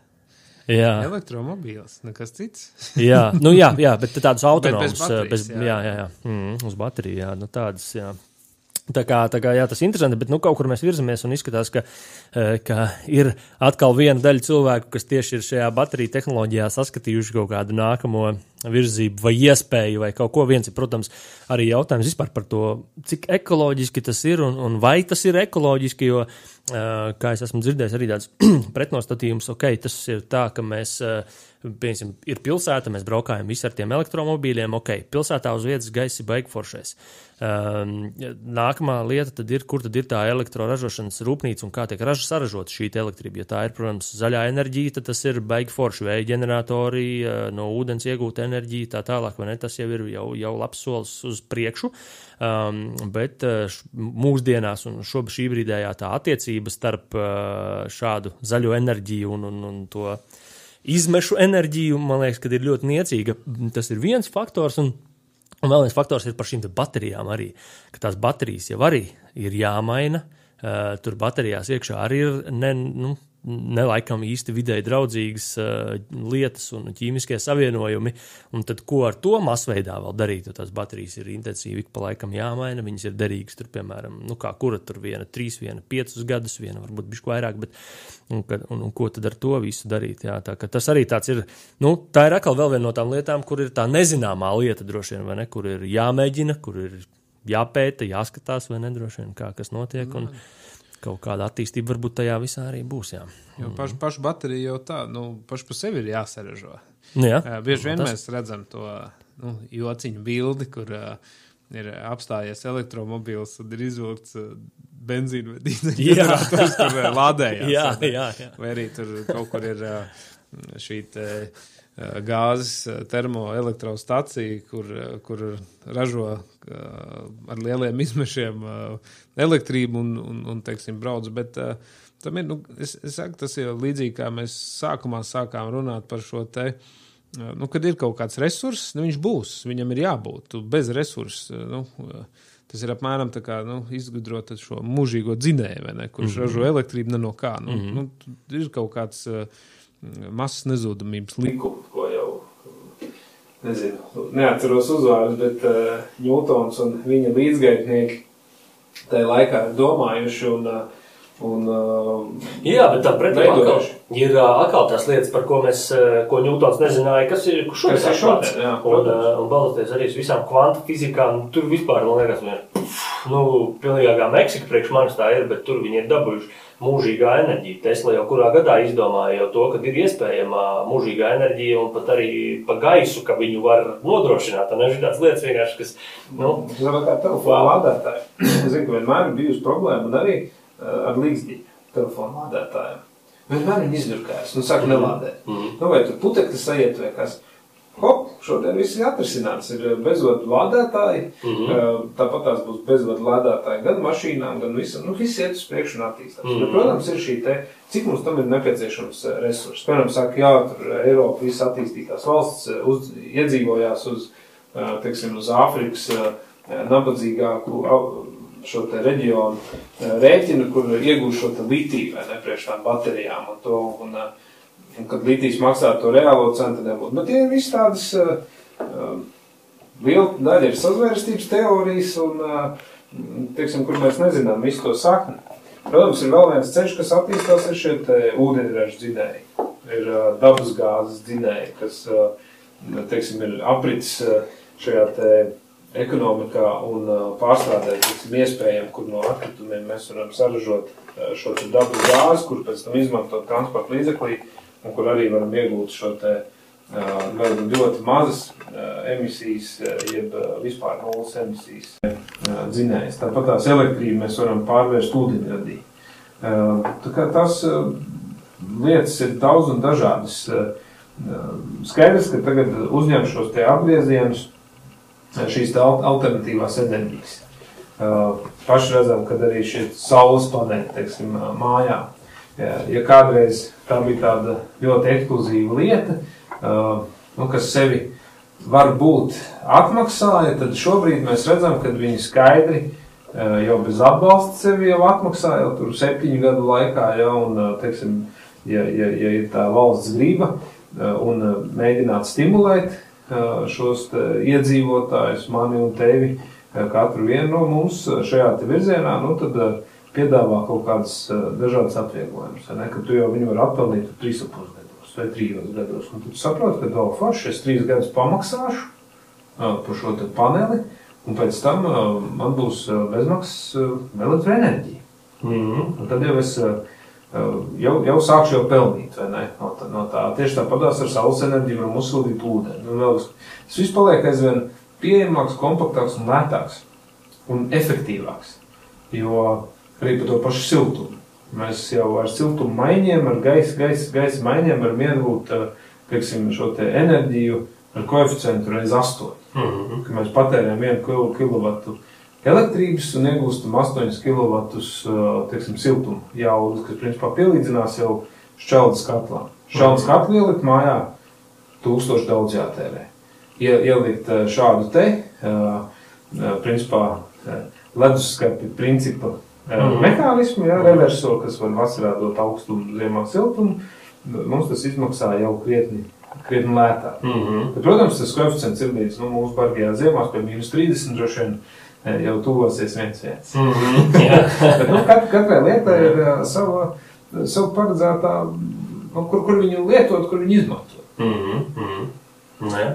Nu, un jā, tas ir labi, ka ir tādas attīstības un lietas, kuras mums atvieglo kaut kādā ziņā to vispār ikdienu, un, protams, arī kas atvieglo slogu uz izmešiem un tādām lietām, kas paliek aizvien zaļākas. Jā. Jā, nu tā tas ir. Tā tas ir un, un, un uh, visas šīs lietas ir tādas, kur daudz cilvēki strādā pie viņiem ikdienā. Mēs varam par viņiem runāt gan šodien, gan citās reizēs.